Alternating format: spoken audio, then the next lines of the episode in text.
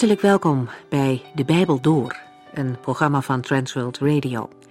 De Bijbel Door is een radioserie die u in vijf jaar meeneemt door de hele Bijbel. Van Genesis 1 tot Openbaring 22.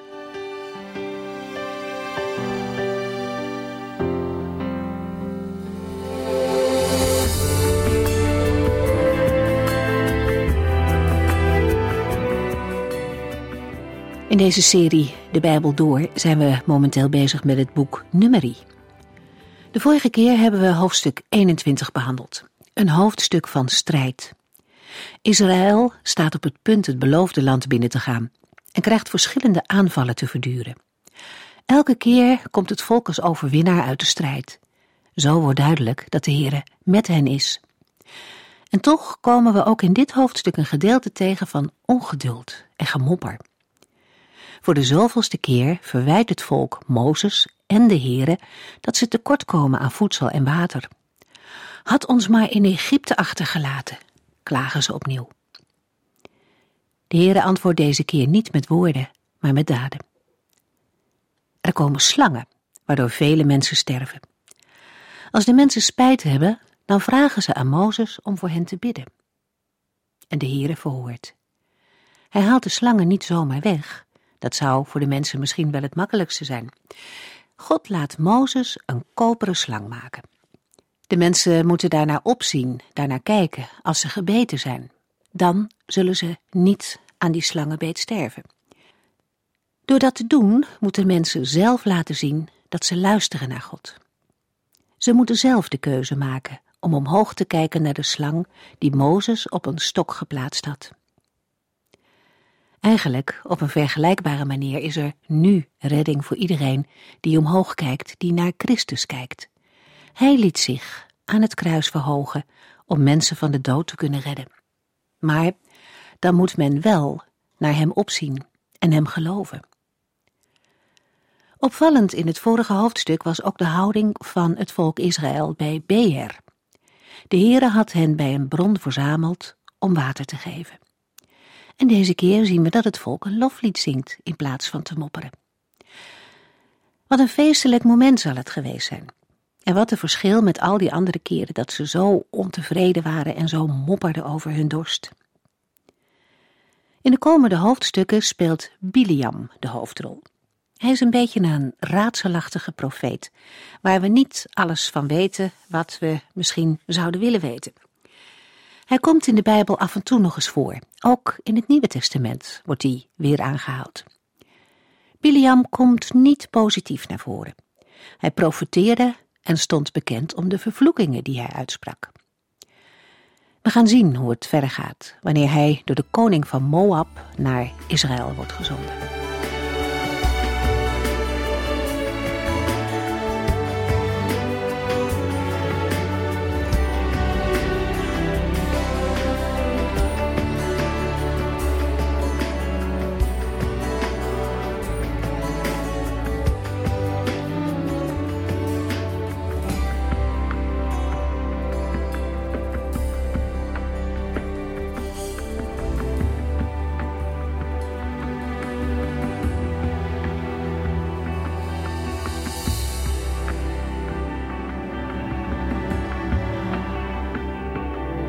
In de vorige uitzending lazen we over koning Balak van Moab. De Israëlieten waren naar de vlakte van Moab getrokken en hadden ten oosten van de Jordaan tegenover Jericho hun kamp opgeslagen. Balak zag het gevaar voor hem en zijn land op zich afkomen en nam zijn maatregelen. Nummer 22, vers 5 en 6. Daarom stuurde koning Balak boodschappers naar Biliam, de zoon van Beor die in zijn vaderland Petor dicht bij de Eufraat woonde. Hij smeekte Biliam hem te komen helpen met de woorden: Er is hier een volk uit Egypte aangekomen dat het hele land in beslag neemt. Ze hebben hun kamp recht tegenover mij opgeslagen. Kom alstublieft hierheen en vervloek hen voor mij, zodat ik hen uit mijn land kan verdrijven, want ze zijn mij te sterk. U staat erom bekend dat uw zegen ook werkelijk een zegen is, en dat ieder die door u wordt vervloekt ook werkelijk is vervloekt. Eerst vervloeken en dan het gevecht aangaan was een wijdverbreide gewoonte in de oudheid. Dat er voor de vervloeking een specialist werd ingehuurd, was ook niet vreemd. Nummer 22, vers 7 en 8. De boodschappers die hij stuurde, behoorden tot de hoogste leiders uit Moab en Midian. Ze zochten Biliam op met het loon voor zijn waarzegging al in de hand en legden hem uit wat Balak van hem wilde. Blijf hier vannacht, zei Biliam, en morgenochtend zal ik jullie zeggen wat de Heere wil dat ik zeg. Dat deden zij. Wanneer de boodschappers het verzoek van Balak hebben overgebracht, vraagt Biliam hun daar te overnachten. Hij verwacht dat de Heer hem s'nachts zal zeggen wat hij doen moet. Het is opmerkelijk dat Biliam, hoewel hij geen Israëliet is, een antwoord van Yahweh, de God van Israël, verwacht. Dan zal ik jullie zeggen wat de Heere wil dat ik zeg. Het valt op dat er twee namen van de Heere worden gebruikt. In nummer 22 Yahweh en Elohim, en die namen worden als synoniemen gebruikt. Hoe weet Biliam wat de Heere wil dat hij zegt? Het wordt niet vermeld. Zijn woorden betekenen op zijn minst dat hij weet dat de Heere de aangewezen God is om te benaderen als het over het volk Israël gaat. In diezelfde nacht verschijnt de Heer aan Biliam. Blijkbaar openbaart de Heer zich soms aan mensen buiten Israël, maar wel ten gunste van Israël. Denk aan Melchizedek in Genesis 14 en koning Abimelech van Gerar in Genesis 20. Nummer 22, vers 9 tot en met 13. Die nacht kwam God naar Biliam en vroeg hem: Wie zijn die mannen die bij u zijn? Koning Balak van Moab heeft hen gestuurd, antwoordde hij. De koning zegt dat er een volk uit Egypte is gekomen en aan de grens van Moab zijn kamp heeft opgeslagen. Hij wil dat ik onmiddellijk naar hem toe kom om dat volk te vervloeken, in de hoop dat hij het dan met succes kan bestrijden. Ga daar niet naartoe, zei God tegen hem. U mag hen niet vervloeken, want ik heb hen gezegend. De volgende morgen zei Biliam tegen de boodschappers: Gaat u maar terug naar uw land. De Heere staat niet toe dat ik met u meega. Biliam moet tegen de boodschappers zeggen dat hij geen toestemming van de Heere heeft gekregen om mee te gaan. De boodschappers gaan terug naar Balak, maar zij vertellen hem niet dat de Heere niet wil dat Biliam gaat, maar dat Biliam het verzoek heeft geweigerd. Door dit antwoord gaan de gedachten van Balak in een andere richting dan het antwoord van Biliam. Balak denkt dat Biliam weigert omdat hem geen grote beloning in het vooruitzicht is gesteld, en daarom stuurt hij opnieuw boodschappers. Nummer 22, vers 15 tot en met 17. Maar Balak gaf de moed nog niet op. Hij stuurde opnieuw boodschappers, maar nu waren het er meer dan de eerste keer en ze waren in nog hoger aanzien. Zij kwamen bij Biliam met de boodschap: Koning Balak smeekt u te komen. Hij zal u rijk belonen en alles doen wat u zegt. Alles wat u maar wilt, als u maar met ons meekomt en dat volk vervloekt.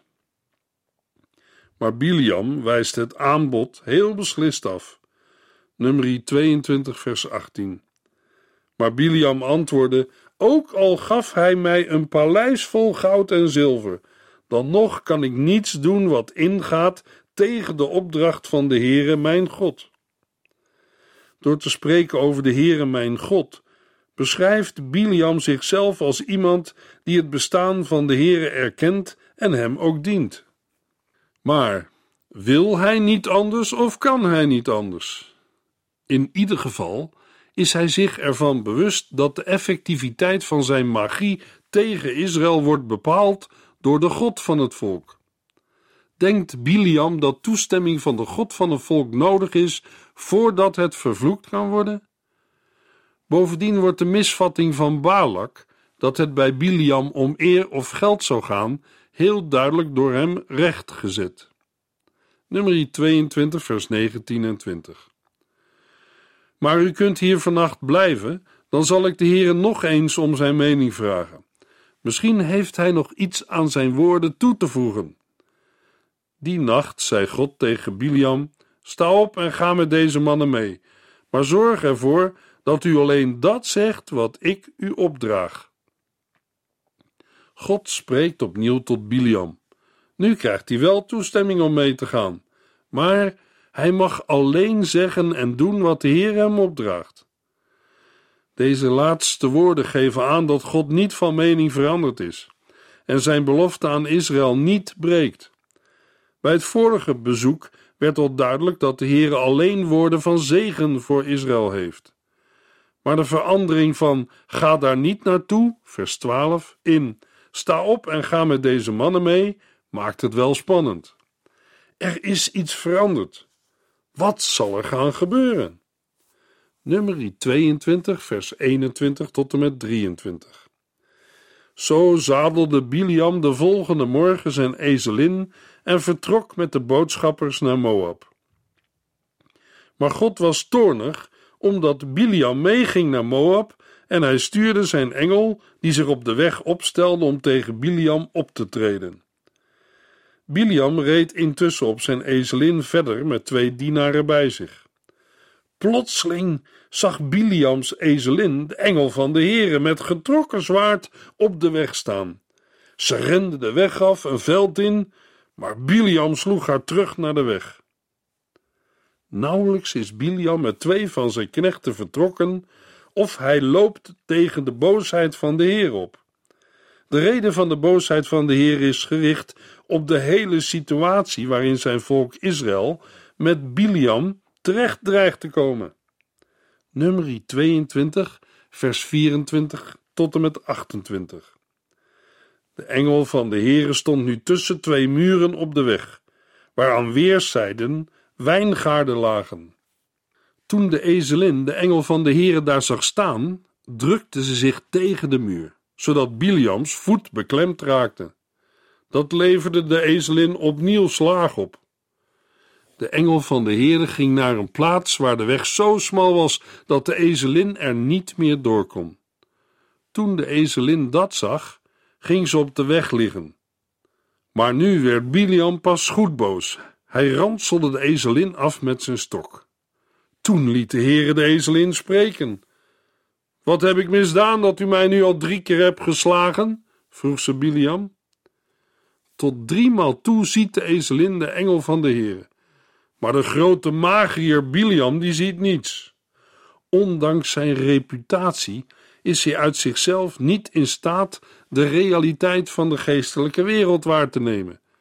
Dan komt er een ommekeer in het gebeuren. Pas na drie verschijningen van de engel treedt de Heere op en doet twee dingen. Ten eerste laat hij de ezelin spreken, iets dat menselijkerwijs onmogelijk is, en vervolgens opent de Heere de ogen van Biliam. Het valt op dat de ezelin alleen maar vraagt waarom ze drie keer is geslagen, terwijl ze zich tegenover Biliam toch altijd goed had gedragen. Biliam, die nog steeds kwaad is, schreeuwt: Omdat je een spelletje met me speelt. Als ik een zwaard bij me had, zou ik je doden. Vers 29. De ezelin rept met geen woord over de netelige situatie waarin Biliam zich bevindt, namelijk dat er een engel van de Heere met een zwaard voor hem staat. Blijkbaar is de bedoeling van het gesprek Biliam te laten zien hoe onnadenkend hij handelt. De echte omkeer van Biliam komt hierna. Wanneer de Heere de bedekking van zijn ogen wegneemt en ook hij de engel van de Heere ziet staan met een getrokken zwaard in zijn hand. Nummer 22, vers 31. Toen opende de Heere Biliams ogen en hij zag de engel van de Heere met het getrokken zwaard op de weg staan.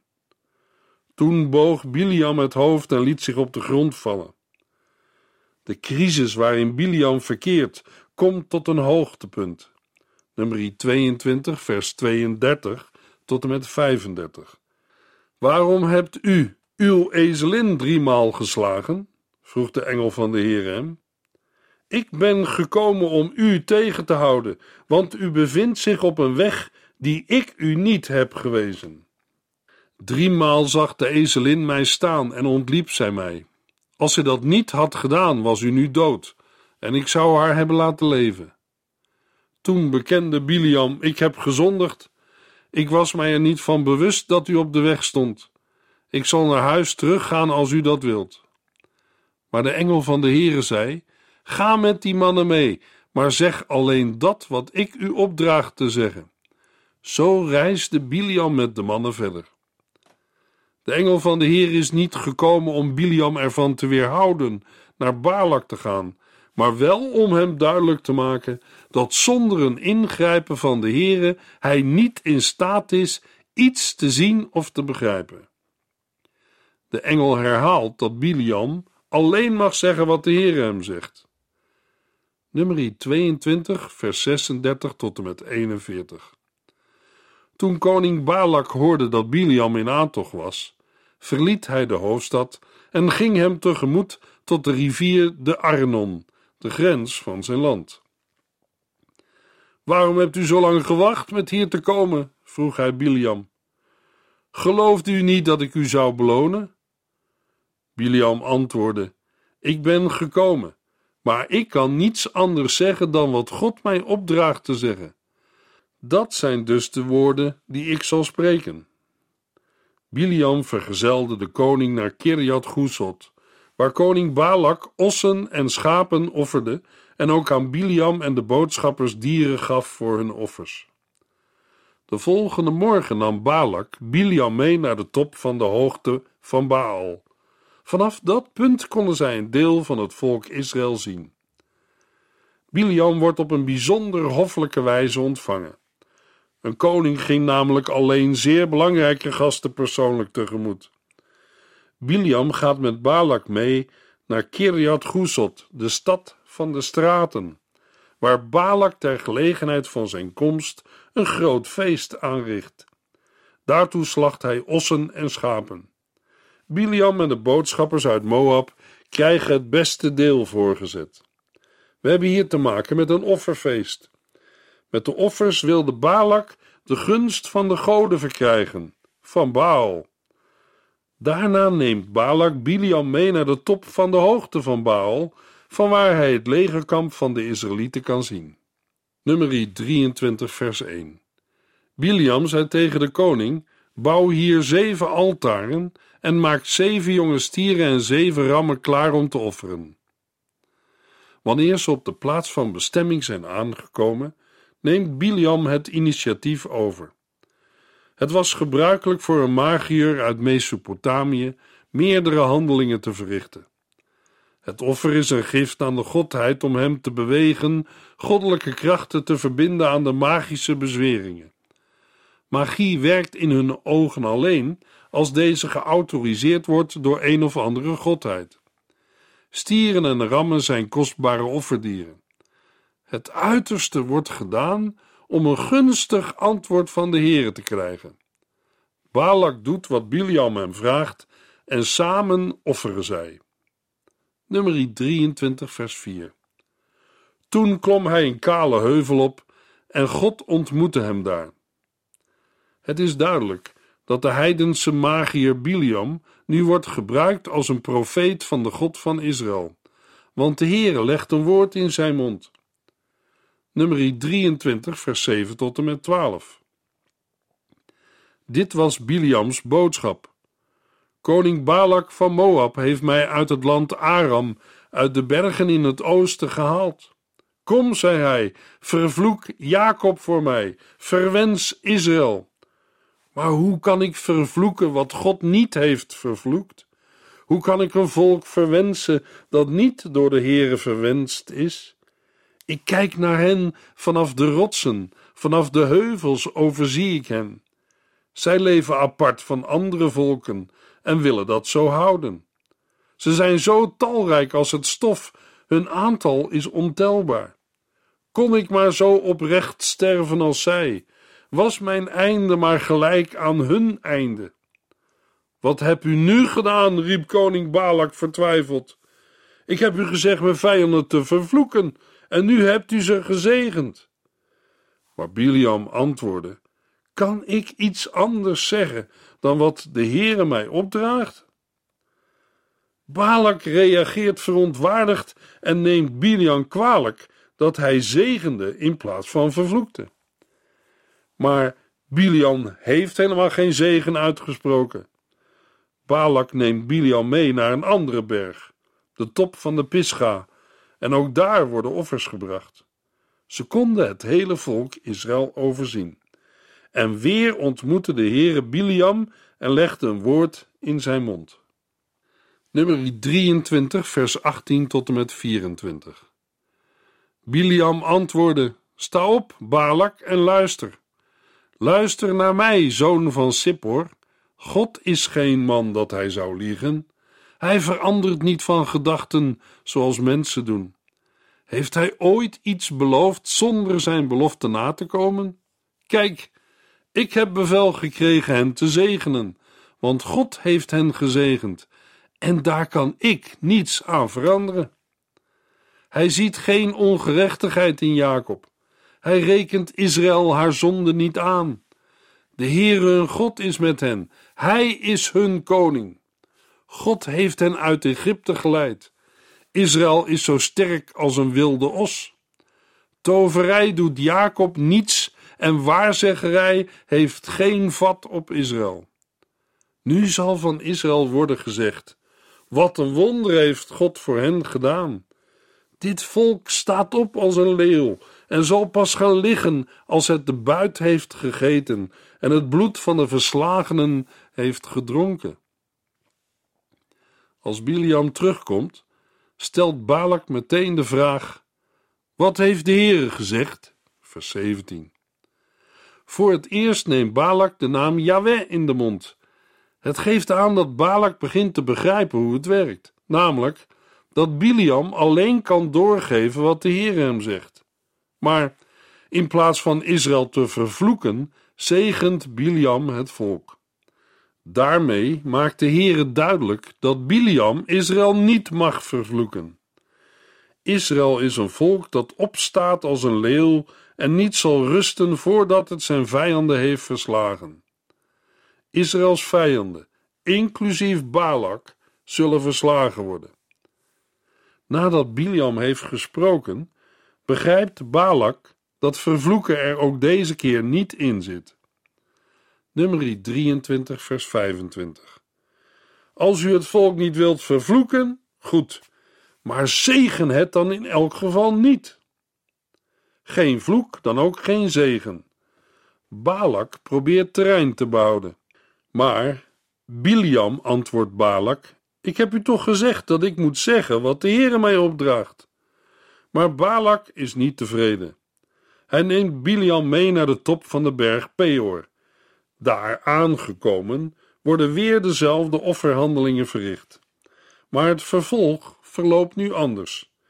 Biliam trekt zich nu niet terug. Hij is er inmiddels van overtuigd dat de Heere wil dat hij Israël zegent en niet vervloekt. Biliam keert zich om en kijkt in de richting van de woestijn. Op het moment dat hij het legerkamp van Israël ziet, komt de geest van God over hem, wat ertoe leidt dat hij een profetie uitspreekt. De vorige keren werd Balak toegesproken, maar nu Israël. Nummer 24, vers 3 tot en met 9. Zo spreekt Biliam, de zoon van Beor. Zo spreekt de man met het geopende oog. Ik heb geluisterd naar het woord van God. Ik heb gezien wat de Almachtige mij toonde. Ik viel voor hem neer en mijn ogen gingen open. O, de vreugde die Israël wacht, de vreugde in de woningen van Jacob. Zij liggen voor mij als groene valleien, als vruchtbare tuinen aan een rivier als aloës door de Heere zelf geplant, als ceders die aan het water staan. Zij zullen worden gezegend met een overvloed van water en op vele plaatsen wonen. Hun koning zal machtiger zijn dan Agag. Hun koninkrijk zal worden verhoogd. God bracht hen uit Egypte. Israël is sterk als een wilde os en zal vijandige volken verslinden. Hij zal hun botten breken en hen met pijlen doorboren. Israël slaapt als een leeuw en een leeuwin. Wie zal zijn rust durven verstoren? Gezegend is ieder die u zegent, Israël. Vervloekt zijn zij die u vervloeken. Biliam sluit zijn profetische woorden af met een zegen die voor Israël algemeen bekend was. Gezegend is ieder die u zegent, Israël. Vervloekt zijn zij die u vervloeken. De wijze waarop een volk of natie zich opstelt tegenover Israël is de reden dat het met deze natie goed of slecht gaat in de wereld. Israël is Gods oogappel.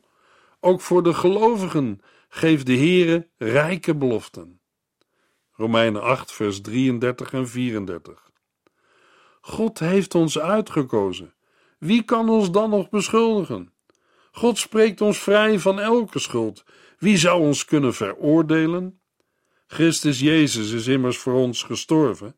Wat nog belangrijker is, hij is uit de dood teruggekomen en zit aan de rechterhand van God, waar hij voor ons opkomt. Wie kan Gods uitverkorenen aanklagen? Niemand. De Heere heeft ze in Christus rechtvaardig verklaard. Nummer 24, vers 10 tot en met 14. Koning Balak werd nu razend. Hij sloeg zijn handen in één en schreeuwde: Ik heb u hier geroepen om mijn vijanden te vervloeken, maar in plaats daarvan zegent u ze driemaal. Verdwijn, ga terug naar uw woonplaats. Ik had u rijk willen belonen, maar de Heere heeft u het loon niet gegund. Biliam, antwoordde de koning, heb ik uw boodschappers niet gezegd dat, zelfs als u mij een paleis vol goud en zilver zou geven, ik de woorden van de Heere niet kon overtreden? Dat ik geen woord uit mezelf kan zeggen. Ik heb gezegd dat ik alleen zou zeggen wat de Heere zegt. Ja, ik zal nu naar mijn eigen mensen terugkeren. Maar laat ik u eerst vertellen wat de Israëlieten uw volk zullen aandoen.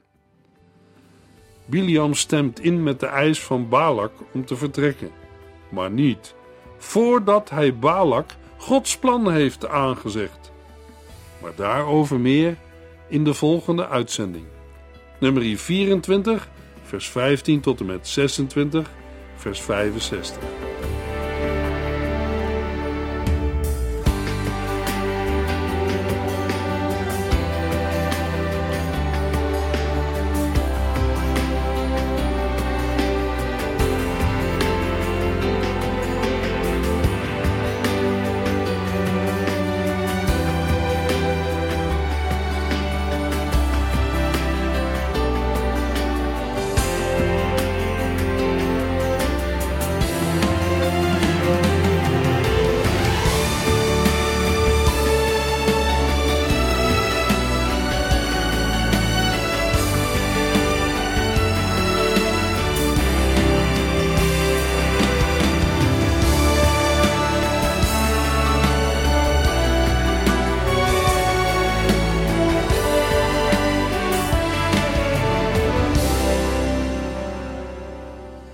Geluisterd naar De Bijbel Door. In het Nederlands vertaald en bewerkt door Transworld Radio. Een programma waarin we in vijf jaar tijd de hele Bijbel doorgaan. Als u wilt reageren op deze uitzending of u heeft vragen, dan kunt u contact met ons opnemen. Tijdens kantooruren kunt u bellen op 0342 47 8432. 0342 47 8432. 32.